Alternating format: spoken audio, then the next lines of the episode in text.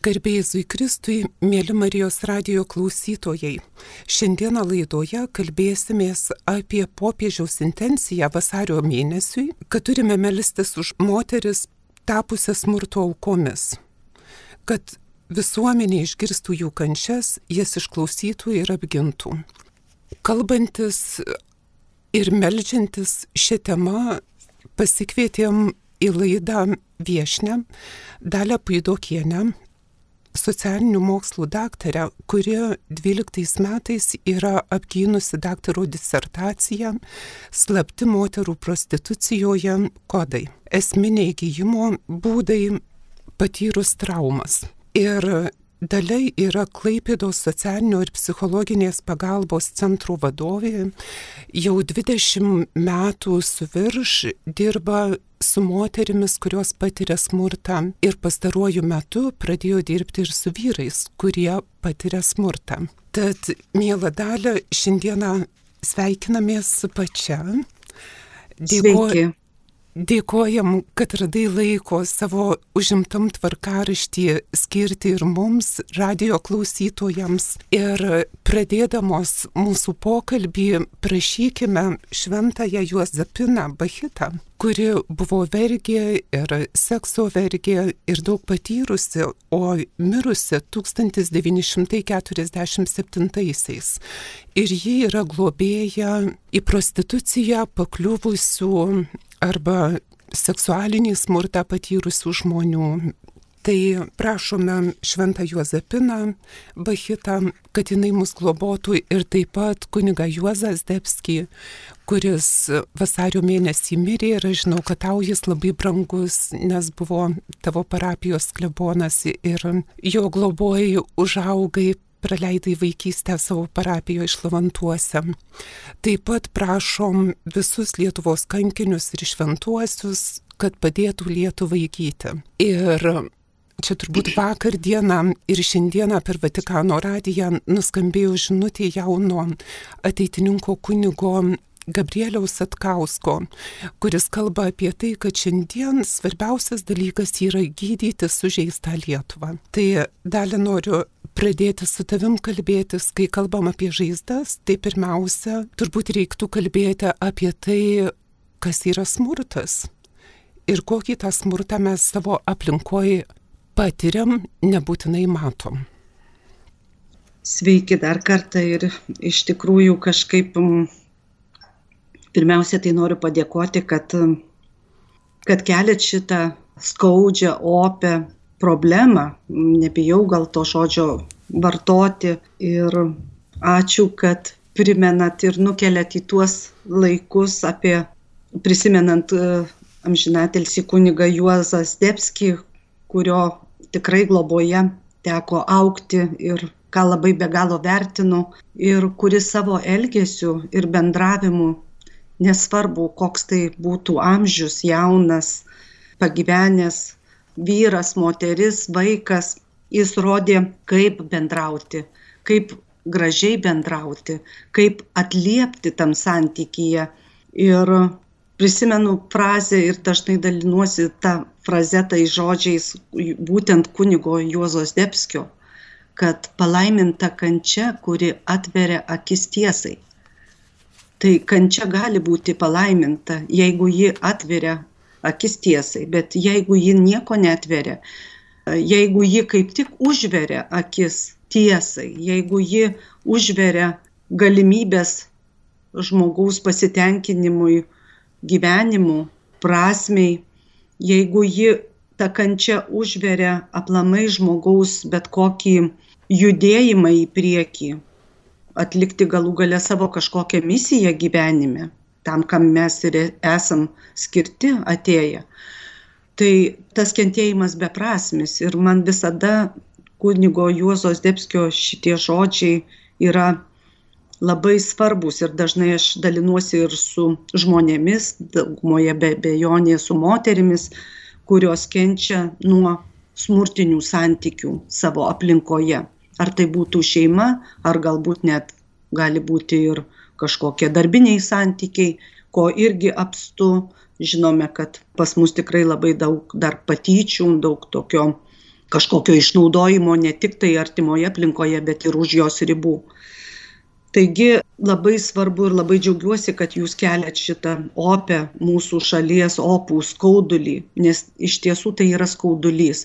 Iš tiesų, jeigu, galima, jeigu mes dabar kalbam apie pandemiją, karantiną, COVID-19, tai smurtas lygiai tokia ir dar didesnė, ko gero, pandemija, nes nuo jo žmonės ir miršta, ir žalojami, ir žudosi, ir krenta į priklausomybės įvairias ir daug visokių kitokių negerų dalykų atsitinka žmonių gyvenime.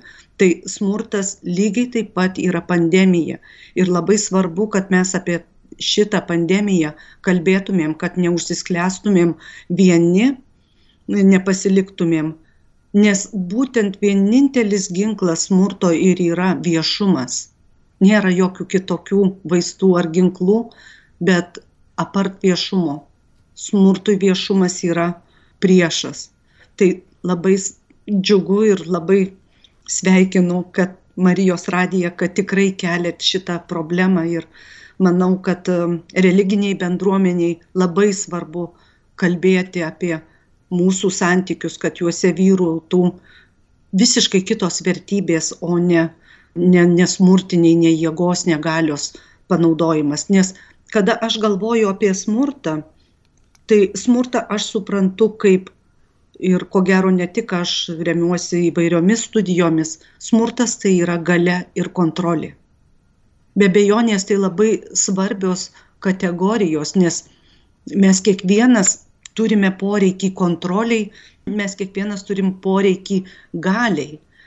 Tačiau kada mes patiriam kito galę ir kontrolę prieš mūsų, savo, mūsų pačių atžvilgių, tai jau yra blogai.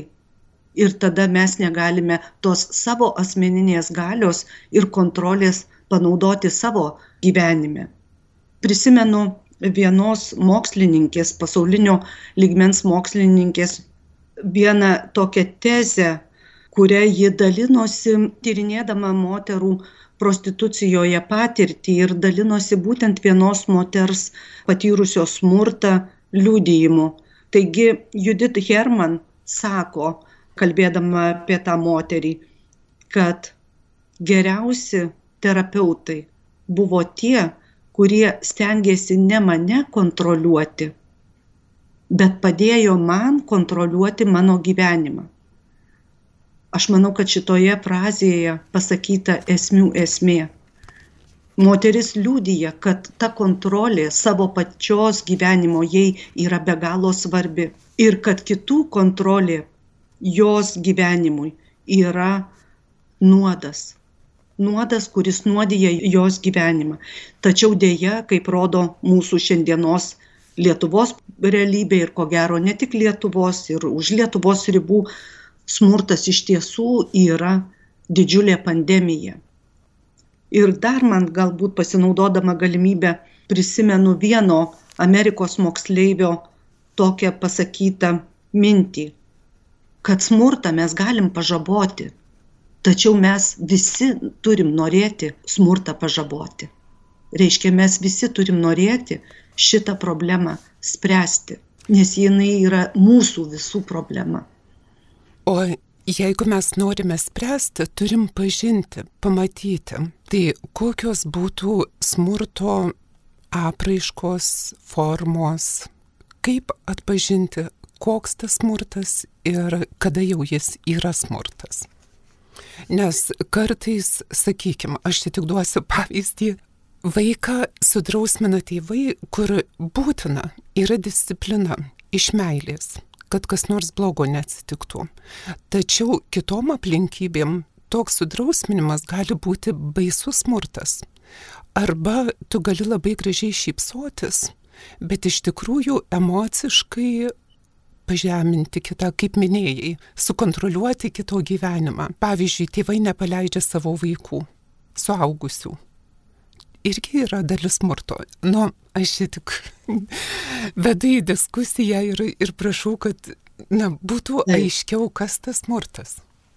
Taip, taip, taip, labai geras klausimas ir iš tikrųjų, kaip rodo mano pačios praktika, padedant žmonėms nukentėjusiems nuo, nuo prievartos, ne tik tai prievartos artimoje aplinkoje, bet ir už jos ribų tenka padėti ir moteriams prostitucijoje, ir e, išnaudojamams, seksualiai išnaudojamams ir nukentėjusiems nuo prekybos žmonėmis, žmonėms, kurie išnaudojami įvairiais tai darbo tikslais.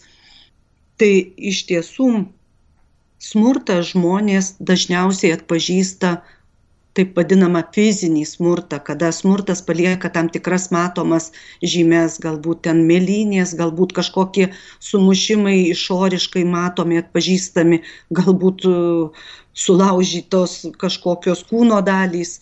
Žmonės šitą pamato, pamato šitą specialistai, pamato šitą pareigūnai, į kuriuos dažniausiai kreipiasi nukentėję žmonės. Tačiau va tos smurto formos kitos o jų yra kelios specialistai įvardina ne tik fizinį smurtą, bet įvardina ir psichologinį smurtą, ir seksualinį smurtą, ir ekonominį smurtą, patyčias. Ta pati prostitucija, priekyba žmonėmis taip pat yra smurtas.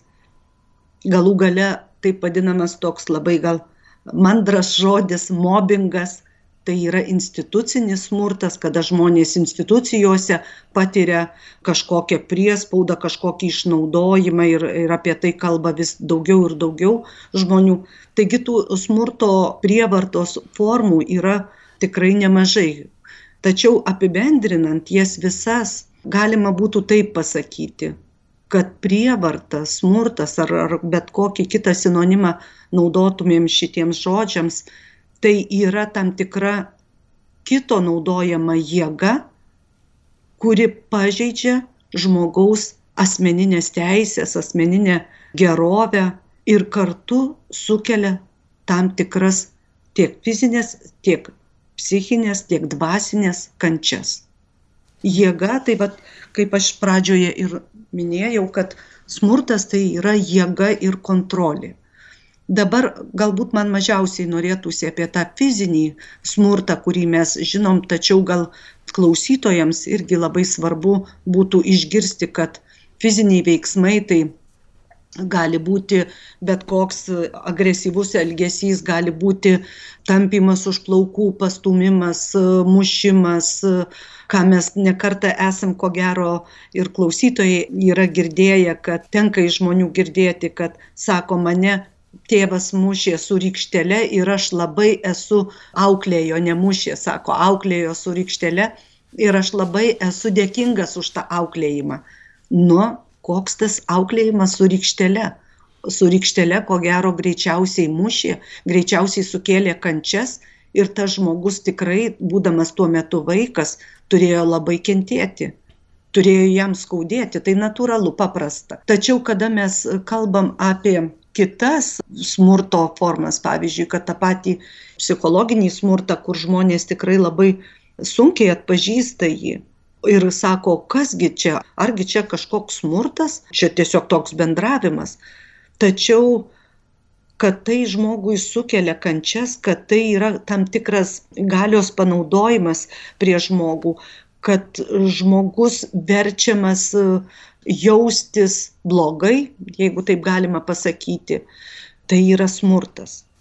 O tas psichologinis, taip vadinamas smurtas, tai yra ir žeminimas, ir ignoravimas žmogaus, ir nepripažinimas jo jausmų, kad jis būtent taip jaučiasi, ir būtent kažkoks kritikavimas, galų gale tie patys riksmai barniai namuose tai irgi yra smurtas. Jeigu toje aplinkoje gyvena vaikas kur ten tėvai vienas su kitu ištisai bariasi vadina vienas kitą visokiais žodžiais jis gyvena smurtinėje aplinkoje. Jis tarsi kempinė visko prisigeria viso to. Ir labai tikėtina kad jis ieškos tokių pačių santykių ateityje kokiuose jis gyveno ir kas jam buvo visiška tokia realybė ir kasdienybė ir tarsi norma.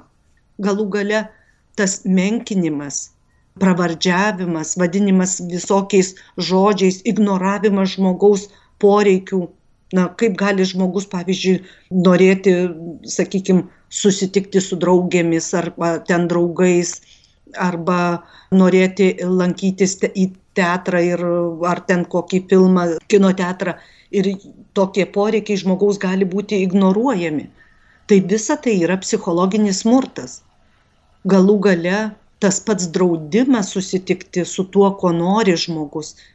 Arba netgi jeigu kalbėtumėm ir apie tą patį vaiką, tiek vaikas, tiek suaugęs nori santykių. Mes esam gimę pasmerkti santykiams. Santykiai mums yra be galo svarbu. Tačiau tie santykiai, mes ieškome santykių, kurie atlieptų į mūsų poreikius. Ir kada va, tas yra draudžiama, tai yra psichologinis smurtas. Aš prisimenu vieną situaciją dabar bekalbėdama, kažkaip taip iškilo prisiminimuose, kada viena moteris dalyjosi apie savo patirtį, jie augo trys vaikai šeimoje, kur tėvas ją vadino mano karalaitė. Ir vieną kartą, bet kadangi tėvai dirbo, buvo labai užimti, matyt, mažai turėdavo e, laiko savo vaikams ir kažkokiems, nežiūrint tai, kad tėvas vadino karalaitė. Kaiminystėje gyveno vyras, su kuriuo tiems vaikams, to šeimos vaikams labai patikdavo kalbėtis jie nueidavo sakydavo tas vyras buvo išsiskyręs ir matyt jis irgi tokiu būdu tenkino savo poreikius turėti kažkokius santykius su vaikais ir jie gerdavo arbatą ir kalbėdavo, sako, mes į visokiom temom kalbėdavom. Ir vaikams tai buvo matyti didžiulis, didžiulis toks jų poreikio patenkinimas kažkokio, galbūt jie gaudavo ir žinių ir galų gale, kad tai, kad kažkas juos girdi, kažkas jų klauso, kažkas su jais bendrauja ir vieną vakarą jie užsibuvę pamiršta aplamai vaikai pamiršta laiką kartais užsižaidžia ir jie praranda tą laiko suvokimą kad jau dabar dvi valandos ar kelios ten praėjo. Ir jie grįžo vėlai ir aišku labai supykdė savo dėl to tėvus. Ir tėvas paauklėjo būtent juos. Ir savo karalaitę paauklėjo taip kad jinai atsidūrė ligoninėje. Tai va čia auklėjimas auklėjimas tai apie ką kartais žmonės sako labai džiaugiuosi kad mane tėvas auklėjo su diržu arba su kokia nors rykštele. Tai čia ne auklėjimas čia yra čia yra smurtas čia yra prievarta. O ką jau kalbėti apie kitas dar kitas smurto rūšis pavyzdžiui seksualinė prievarta šeimoje? Tikriausiai dažnas pasakytų kokia čia prievarta, kas čia per seksualinė prievarta šeimoje, nu, žmonės supranta, kai kažkas kažką išprievartauja, ten išžagina ar, ar tvirkina kažkur, bet šeimoje, nu, čia negaligi būti seksualinės prievartos, tačiau dėje dėje jos yra ir labai daug ir ko gero labiausiai apleista sritis, jeigu taip pasižiūrėti statistiką, kiek galima kalbėti aplamai apie statistiką. Na, statistika, manau, vis tiek tam tikras tendencijas jinai atskleidžia. Tai yra tekę rasti tokią statistiką, kur, na, tokį pasakymą, kad Lietuvos, pavyzdžiui, darbo vietose nepageidautinas seksualinis dėmesys patiriamas pusantro karto dažniau palyginti e, su kitomis ES šalimis ir netgi du su puse karto dažniau, pavyzdžiui, lyginant su Latvija. Įdomus toks pasakymas. Vadinasi, to seksualinio tokio dėmesio, tai iš tiesų jo yra apstu ir žmonės nėra dar pratę apie tai labai daug kalbėti ir dalintis, lygiai taip pat kaip ir apie tą seksualinę prievartą šeimoje. O kas yra seksualinė prievarta šeimoje? Tai būtent tuo met, kada kitas šeimos narys sutuoktinis, sugyventinis, draugas, partneris kėsinasi į kito seksualinio apsisprendimo laisvę kada verčia liesti tam tikrus lytinius organus, kada verčia turėti lytinius santykius prieš žmogaus valią arba nepriimtinų būdų, kada verčia žiūrėti, galbūt nekarta tenka girdėti, iš moterų man tenka girdėti, kada jos yra verčiamos žiūrėti pornografinius filmus, neva, kad jos būtų ten galbūt kūrybiškesnės ar, ar kažkokios seksualiniuose santykiuose. Galų gale ta pati prievarta. Aš prisimenu vieną moterį, vėlgi man iškyla atminti, kuri sako, vyras man kartoja kiekvieną kartą, penktą valandą ryto jau būk pasiruošus. Jūs galite įsivaizduoti, kaip gyventi tokiuose, tokiuose santykiuose. Ir ta moteris dalyjasi, sako, man bet koks vyro priartėjimas, net jeigu jis nori galbūt dokumentą pasirašyti, mane, sako, visą jau supurto, man oda tampa kaip žasies oda, man tiesiog reaguoja visas kūnas. Tai va čia mes kalbam apie seksualinę prievartą. Galų gale ne vieną kartą man yra tekę išgirsti iš mergaičių, kurios yra prostitucijoje, kaip jų tėvai, tėvas dažnai jos įvardindavo tėvą, lakstydavo namuose nuogas. Aš nusistebėdavau, kodėl, ką, kodėl, kodėl jis turėjo tokį įprotį. Jis sakydavo, jam labai patikdavo. Bet jis tą darydavo vaiko akivaizdoje. Ir mergaitiai iki pat jau ir tapus ir suaugusiai akise stovi tas tėvo nuogo lakstymas po namus. Tai yra absurdas, tai, tai yra baisu iš tikrųjų. Ir žinai, labai primenė šitą temą kalbant popiežiaus Pranciškaus prieš metus parašytą laišką Marijos gimdytojo šventai. Ir jisai sako, mūsų požiūris į moters kūną ir elgesys su juo yra mūsų žmoniškumo rodiklis kaip dažnai moterų kūnai aukojami ant pasaulietiškų reklamos, pelningumo, pornografijos altorių ir išnaudojami kaip daiktas. Moterų kūnai turi būti išvaduoti nuo vartotojiškumo, juos reikia gerbti ir branginti.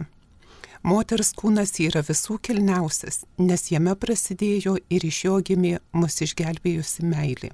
Ir vad kaip sakai, žinai, ar ten būtų dukra, ar žmona, vis tiek moteris turi būti gerbiama.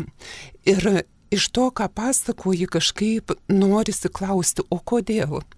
Kokios priežastys, kad tas smurtas toks gajus, gajesnis net negu Latvijoje? Ir viena vertus Latvija, sakykime, gal labiau urbanistinė, mažiau kaimo kultūros, bet kaip tik lyg ir turėtų būtent reklamos gausesnė apraiška. Ar mes kokie tam virusui atsparumo neturim, kas čia yra? Labiau užsidarę. Kokia priežastis, kad klesti smurtas? Jo, pirmas dalykas, kuris man vat, kyla išgirdus klausimą, tai ko gero tik pasikartosiu ir čia nieko naujo nepasakysiu, bet ta tokia sena frazė, kuri daugeliu tikriausiai yra žinoma, kad smurtas gimdo smurtą, jinai egzistuoja. Reiškia. Vadinasi, jis dauginasi. Taip, jis dauginasi, jis iš tikrųjų dauginasi ir būtent dėl šios vienintelės, ko gero, priežasties yra labai svarbu bandyti kaip įmanoma visom jėgom, visom pastangom užkirsti smurtui kelią. Ir tą turim daryti be išimčių visi, visais lygmenim, ar tai būtų politikai, ar tai būtų kunigai, viskupai, vienuolės, socialiniai darbuotojai, psichologai, medikai, mokytojai, visi mes turim tą daryti visi absoliučiai. Tik tokiu būdu mes kažkiek pažabosim Taip kaip tas jaunuolis Amerikos sakė, mes turim norėti visi pažaboti smurtą. Bet, nu va, klausau ir galvoju, taip, mes pirmiausia turim norėti, bet turbūt pirmoji eilė turiu didelį darbą atlikti su savimi. Nes kartais matai subtiles smurto formas iš politikų, iš socialinių darbuotojų, kurie gal turi mažiau žinių, daugiau žaizdų kartais net už tuos, kuriem tarnauja. Ir galime eiti į žemiausią lygmenį, net ir šeimoje. Jeigu aš pulsiu kovoti su smurtu, kovos priemonėm, aš smurtą irgi auginsiu. Smurtas yra užkrečiamas. Kaip ir bet kokia traumos apraiška, tai turim labai būdėti, nuo ko pradėti. Jo, aišku, ta pradžia, jeigu taip žiūrėti, žiūrint, kokiu čia mes požiūriu pasižiūrėsim, bet jeigu taip pasižiūrėti, va, dešimt metų mes jau turime apsaugos nuo smurto artimoje aplinkoje įstatymą. Iš tiesų šis įstatymas labai daug įnešė.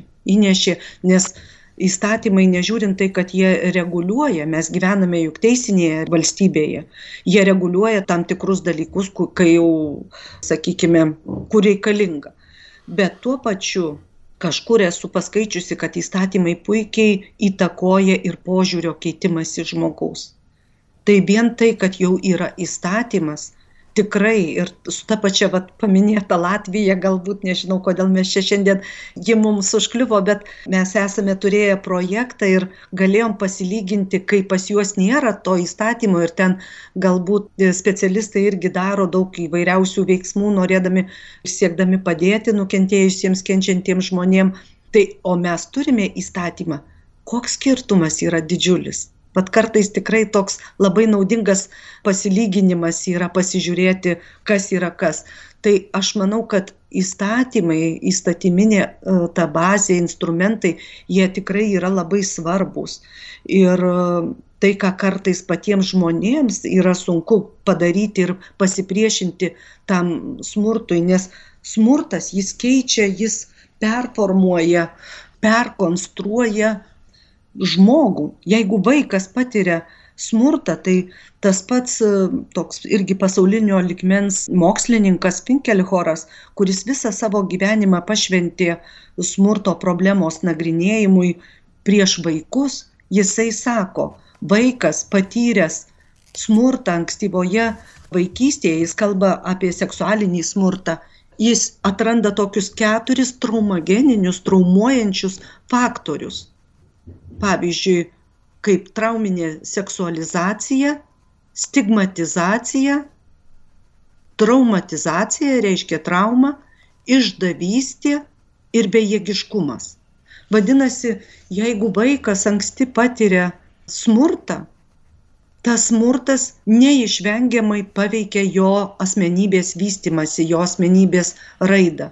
Tada pa žmogų atsiranda menka savigarba, gali atsirasti e, aplamai kažkoks destruktyvus elgesys.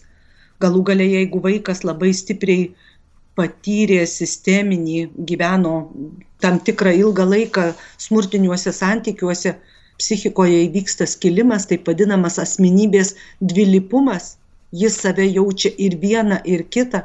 Ir kartais tenka tokių žmonių sutikti, kada jie sako, gal aš išprotėjau, gal man kažkas pasidarė su protu netvarkoj, nes aš vienokia, aš viena ir aš kita. Lyg aš esu du. Galima tik įsivaizduoti, kaip yra siaubinga gyventi, būti tokiu žmogumi, kada tu nežinai, kas tu esi. O juk mokslininkai, tie patys vėlgi mokslininkai, toks puikus, man labai patiko jo knyga Žaidimas ir realybė. Vinikotas jisai kalba, kuris tyrinėjo kūdikius. Jisai visų pirma pediatras, paskui psichoterapeutas ir jo vėlgi išvados ir išvalgos labai vertinamos visam pasaulyje. Jisai sako, kiekvieno mūsų tikslas tapti tuo aš esu, kai mes gimstam. Kaip nuostabu. Taip. Ir o smurtas, va šitą atima galimybę tuo tapti aš esu. Ir kada aš negaliu, tas pats Vinikotas sako, va jeigu žmogus netampa, jeigu tėvai, nes tėvai pirmiausiai atsakingi, abu tėvai už tą tapimą aš esu. Jeigu vaikas netampa suaugusiuoju tuo aš esu, jo tiesiausias kelias ieškoti toliau pagalbos. Ir aišku, jis kuria atitinkamai santykius nes pasimenka savigarba, jis psichologiškai, dvasiškai, jam sunku būti stipriu, stovėti, paprastai tariant, stovėti ant savo kojų. Jam reikia remtis į kažką. Ir be bejonės, labai pritariu popiežiaus šitai minčiai, kad iš tiesų kartais ta reprezentacija, sudaiktinimas kito, dažnai moters, vat, aš prisimenu toje pačioje Klaipėdoje, didžiausia reklama pačioje didžiausioje sankryžoje priešais Akropolį, kur automobiliai stovi ilgiausiai, nes didžiulė sankryža ir ten didžiausia reklama kviečianti į striptizo klubus. Apie ką mes kalbam? Taip. O palaimina kas šitas reklamas? Savivaldybė. Kaip? Tai, žinai, taip klausant, pirmiausia, turbūt reikėtų politikam, verslininkam, įstatymus leisti, kad nebūtų žeminamas moters kūnas radio, televizijos, reklamų srity. Tada kalbėkim apie individualų lygmenį, nes išprovokuojam agresiją ir tada baudžiam žmogų, kuris tampa Taip. auka. Bet vis tiek, na štai klausimas būtų tau kaip specialistai dirbę 20 metų. Ir ką daryti? Ką daryti konkrečiam žmogui, kuris patiria smurtą arba kuris yra smurtautojas, bet nenori toks būti. Vat, galbūt yra dvilypis, kur jam kreiptis, kas gali padėti ir suprantu, kad gali būti profesionali pagalba ir neformali. Ką pasiūlytum? Kas būtų veiksminga, kad pradėti tą smurto lygį, temperatūrą mušti žemyn? Visų pirma, gal dar šiek tiek pasinaudosiu, va ta iš tiesų labai kažkaip mane palėtė ta, ta žinutė, kad tikrai tie, kurie priima sprendimus, tie, kurie kuria įstatymus, tie, kurie žiūri, kad jie tikrai labai tą darytų atsižvelgdami į žmogaus gyvenimo gerovę. Na, atėjus naujam prezidentui ir buvo toks siekis kurti socialinę gerovę. Tai vad, kad tą mes gerovę iš tikrųjų kažkaip kurtumėm. Dabar pasižiūrėkime, paprastas pavyzdys. Moterims prostitucijoje, kuri, kur aš visuomet sakau, kad tai yra išnaudojimas. Moterų prostitucijoje seksualinis išnaudojimas. Mes jas baudžiame už šitą mano taip vadinamą išnaudojimą, vadindami tai seksualinėmis paslaugomis. Absurdas. Taip. Ir mes patys jas įstumėm, nes jos turi nubaustos, jos turi uždirbti baudas vėl jos turi iš kažkur gauti lėšas pagalbos joms kiek kur dirbama su moterim prostitucijoje. Tokios kuri padėtų joms išeiti iš šito išnaudojimo. Lietuvoje pavieniai atvejai ir tai greičiau ar tai galima vadinti pagalba kad joms duoda prezervatyvus arba ten pasitikrinimo galimybę. Tai ne pagalba. Taip. Tai yra visai kitokio pobūdžio pagalba. Įveiksminimas Taip, kad tai būtent. būtų aktyvesnis. Tai va tokių įstatymų egzistavimas ir 14 metais buvo priimta Seimo rezoliucija, kuri taip ir nugulusi iki pačių dienų stalčiuose guli, kur buvo tikrai siūlyta ratifikuoti 1949 metų konvenciją, kuri būtent ir praplečia tą išnaudojamo žmogaus e, suvokimą, kas yra išnaudojamas žmogus sako teisininkai mums nereikia šitos konvencijos mums užtenka mūsų įstatymų. Aišku mes tada galim sakyt kad mums užtenka įstatymų kurie seksualinį išnaudojimą prostitucijoje vadina seksualinėmis paslaugomis. Mums to užtenka šiai dienai. Ironizuoju žinoma. Kurie tame įstatyme mes toje rezoliucijoje mes prašėme kad panaikintų baudas moterims prostitucijoje kad tinkamą atsakomybę numatytų tiems, kurie išnaudoja arba naudojasi. Nes jeigu pasižiūrėti statistiką, tai prisimenu, penktais metais buvo tas įstatymas papildytas ir buvo įtraukta baudžiamumas ir vyrams. Ir kada mes palyginome dešimties metų rezultatus, mes matėme, kad nubaustas vienas vyras ir 29 moterys. Tokiu santykiu. Apie ką mes kalbam? Kada klausi, atsakingų pareigūnų, policijos, kaip čia taip atsitinka, kad daugumoje moterys nubaudžiamos, nu tai negi jos pačios vienos su kita ten kažkaip. Jie sako, sunku sulaikyti tą klientą, o moterį nesunku. Ir vėlgi čia yra patvirtinimas. Taip, tą moterį nesunku sulaikyti, nes jos menka savigarba. Jinai yra tas molis, iš kurio gali lipdyti, ką tik nori. Silpniausias kenčia. Taip. taip o pereinant prie kito klausimo kitos dalies apie pagalbą taip jeigu kalbant apie patiriančius smurtą nukentėjusius nuo smurto aš labai džiaugiuosi kad tikrai kadangi ir pati dalyvauju tame lietuvoje yra šešiolika specializuotos kompleksinės pagalbos centrų. Jų specialistai darbuotojai teisininkai psichologai socialiniai darbuotojai konsultantai jie tikrai labai daug investuoja į save, domisi, kaip būtų galima kuo kokybiškiau, kuo efektyviau padėti nuo smurto nukentėjusiam žmogui.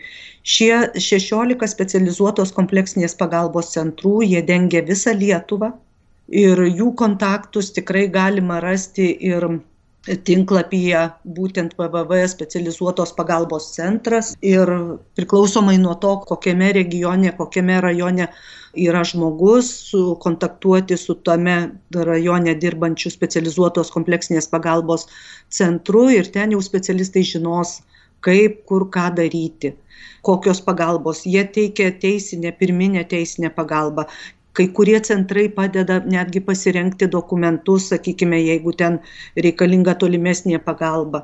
Jie teikia tikrai nemokamą psichologo pagalbą, nemokamą konsultavimą, palydėjimą, dalyvauja atvejo vadybos posėdžiuose ir bando visais įmanomais būdais padėti tam nukentėjusiam žmogui. Pagalba yra teikiama ne tik moterims, bet ir vyrams, ir vyresnio amžiaus vaikams, kadangi vaikai pas mus vis tiek iki 18 metų, tai centrai nedirba su mažais vaikais, bet tik su vyresnio amžiaus, nes na, tiesiog galimybės, jeigu turėtų didesnės galimybės, ko gero dirbtų ir su vaikais, bet dėl esamų ribotumų kažkokių išteklių finansinių teikia tik vyresnio amžiaus vaikams. Tai aš manau, žmogus, bet kuris iš bet kurio Lietuvos kampelio suradęs tuos kontaktus specializuotos pagalbos centro tikrai gaus pagalbą. Kita vertus, mes turime pagalbos linijas. Mes turime pagalbos moterims liniją, kuri dirba apskritą parą keliomis linijomis.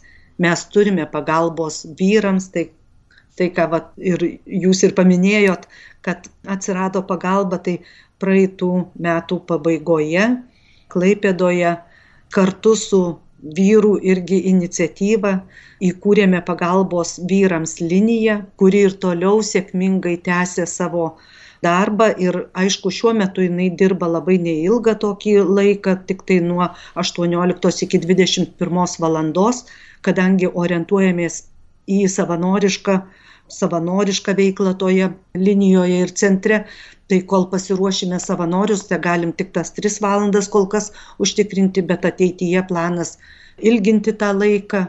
Ir labai džiaugiuosi, kad ir ministerija socialinės apsaugos ir darbo atkreipė į tą dėmesį ir, ir vėl bet gavome tik tai šiomis dienomis žinia, kad gavom finansavimą, tai ir toliau tęsime, nes tai yra be galo svarbu. Ir man pačiai yra tekę vesti savanoriams, vyrams mokymus. Ir aš supratau ir dalinausi tiek su savo organizacijos žmonėmis, kad nesvarbu kokia ta lytis, vyras ar moteris, bet kiekvienas mes turime jausmus, kiekvienas mes turime vidų, į kurį tiesiog reikia gebėti pažvelgti. Kartais tai būna labai sunku, kartais žmogus nenori įsileisti kito, kartais taip atsitinka, kad kad tiesiog, na, va, tie santykiai ir nesusiklosto, bet nežiūrint tai, niekas neturi teisės kito nei žeminti, nei menkinti, nei naudoti jėgos ar galios prieš kitą tam, kad ten su manim kažkas netvarko yra. Ir labai dar noriu atkreipti trumpai dėmesį į tai, kad iš tiesų, va čia aš prisimenu, mano mama dažnai sakydavo, jeigu vyras negerbė moters, tai ir toje šeimoje vaikai tą mato, jie lygiai taip pat negerbs mamos, jie negerbs savo būsimo žmonos ar savo būsimo vyro, jie vadinasi tai, ką mes gauname šeimoje, persikelia toliau. Ir ta grandinė, ta prievartos grandinė, jinai taip ir tęsiasi. Tiesiog jeigu mes jos kažkur nenukerpame. Turbūt atvirkščiai, jeigu žmona negerbė vyro, tai vaikai negerbs savo tėvo ir toliau negerbs savo vyro, kai ištekės Taip. moterys.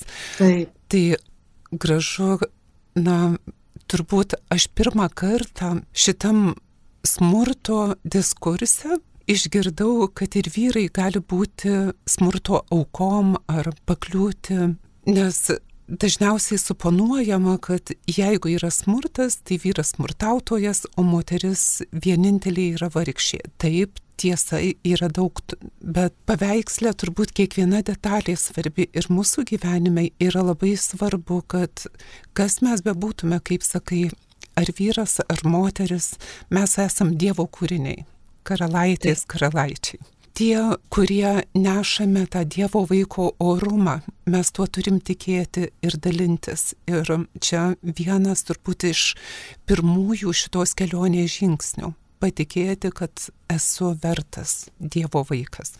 Ir o ką jau mūsų laikas senka, ką galėtume neformaliai, vad paminė, bažnyčia, ką gali daryti, sakykime, šeima, kai ištinka smurto protrūkiai.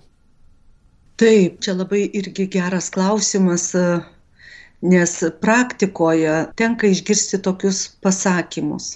Labai tikėjusi palaikymo iš pačių artimiausių, supratimo, prieimimo, pagalbos Deja, dar žmogus dar labiau nusivilia. Tai, ką dabar patiriu, mane tik tai kaltina arba sako patarimus kažkokius, kurie nu, visiškai ne, neveiksmingi ir panašiai. O va tai, ko žmogus iš tikrųjų nori, tos būtent tokios pagalbos, va tos ir nesulaukia iš artimųjų. Tada tenka kreiptis, aišku, pasvetimus. Kaip gali padėti aplinkiniai? o gali labai stipriai padėti. Visų pirma, suprasti, kad pats žmogus turi teisę rinktis. Mes visada renkamės. Ir tas supratimas, net jeigu aš prisimenu vieną moterį, kuri sakė, leiskit man dar kartą pabandyti. Leisti pabandyti. Juk reikia gal dešimt kartų užlipti ant grėblio, kad suprasti, kad tas grėblys skaudžiai suduoda kita vertus labai svarbu aplinkiniai taip pat gali patvirtinti tą smurto patirties prievartos patirties rimtumą pasekmių rimtumą jokios kritikos jokių moralizavimų labai svarbu kad padėtų kažkaip nusiraminti tam žmogui labai svarbu kad padėtų paieškoti kažkokių resursų galimų kita vertus jeigu tai yra su, su saugumu susiję klausimas vėlgi kad padėtų užtikrinti tą saugumą. Nes jeigu žmogus gyvena nesaugioje aplinkoje ir joje jisai turi būti, ten smurto problemos sprendimas nepajudės.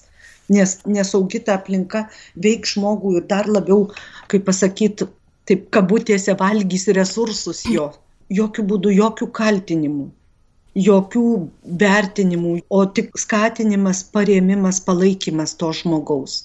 Nes nei vienas iš mūsų mes nenorim būti priskirti kažkokiai kategorijai. Mes nenorim nei vienas būti smurto auka smurtautoju ar dar kažkuo. Tikrai neturim tokio poreikio.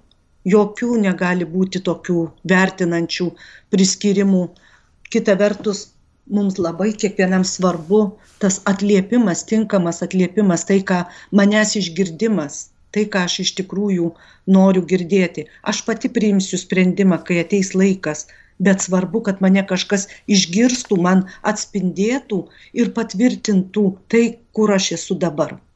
Ir aišku, dar vienas labai svarbus dalykas, kad žmogui, nors aš pradžioje minėjau, kad smurto vienintelis ginklas yra viešumas, bet kartai žmogui labai svarbu, kad tai, kuo jis pasidalina su kitu, kad tai liktų paslaptyje kad jis pats jau tą viešumą, tą paslaptį nutrauktų, bet ne aš, kuriam ta, jis man patikėjo. Mm. Ačiū. Mūsų laikas baigėsi ir tikrai noriu padėkoti. Aišku, dar labai rūpėtų tavo ir kunigo Stepskio santykiai va šituo klausimu. Pradžioj truputį paminėjai, bet ar gali sakinuką du pasakyti, kaip jis vertino moterį, ar tas jautėsi? Jo, su kunigu Stepskiu tikrai teko, teko vaikystėje, man, mano didžiausias mokytojas, jis mokė tiesiog savim, savo gyvenimu, savo bendravimu. Jis visada ateidavo su didžiausia meile prie žmogaus, ar tai būtų vaikas, su šypsena. Galų gale jo pamokslai tikrai būdavo labai gilūs, kunigas Debskis psichologas buvo labai stiprus psichoterapeutas. Tačiau aš pamenu, kaip vaikas iš dalyvavimo mišiuose tiesiog skamba tokie prisiminimai, kaip jis kalbėdavo apie būtent tą į moterį, į motiną, tokį nukreiptą palaikymą ir dėmesį, kad mama kažkas tai tokio ypatingo. Jis jokių būdų nenuvertindavo tėvo vaidmens arba e, vyro vaidmens, bet jis labai skatino gražiai visus ir mokė savo pavyzdžių bendrauti gražiai kaip vyras, galų galiai jis juk buvo irgi vyras, pagarbiai, gražiai, švelniai, dėmesingai su kitu, su, su moterim, su mergaitė, su vaiku, nežiūrint tai, kad galbūt kitiems tas kėlė ir bandė jie visai šmeišti kuniga Juozas Debski, bet aš mačiau pati savo, mano patirtis liūdija tai, ką aš mačiau, jo tą nuostabų, pagarbų bendravimą su kitu ir kaip kunigo, ir kaip vyro, Taip. ir kaip vyresnio žmogaus. Ir kas labai įdomu, kad jis labai pagarbiai kalbėjo apie moterį ir labai švelniai rūpinosi pijokėliais jeigu rasdavo kokį pakeliai, sutikdavo važiuodamas, o dažnai važiavo, niekad nepalikdavo girto ar gulinčio, ar besiskeryčiojančio, parveždavo į namus. Tai va čia ta tėviška neagresija. Kaip reikia gydyti tas žaizdas. Mėla dalė, jau atsisveikinam su klausytojais ir, mėly klausytojai, primenu, kad šiandieną apie smurtą kalbėjomės su socialinių mokslų daktarė Dalia Puidokienė, kuri yra Klaipėdos socialinės ir psichologinės pagalbos centrų vadovė.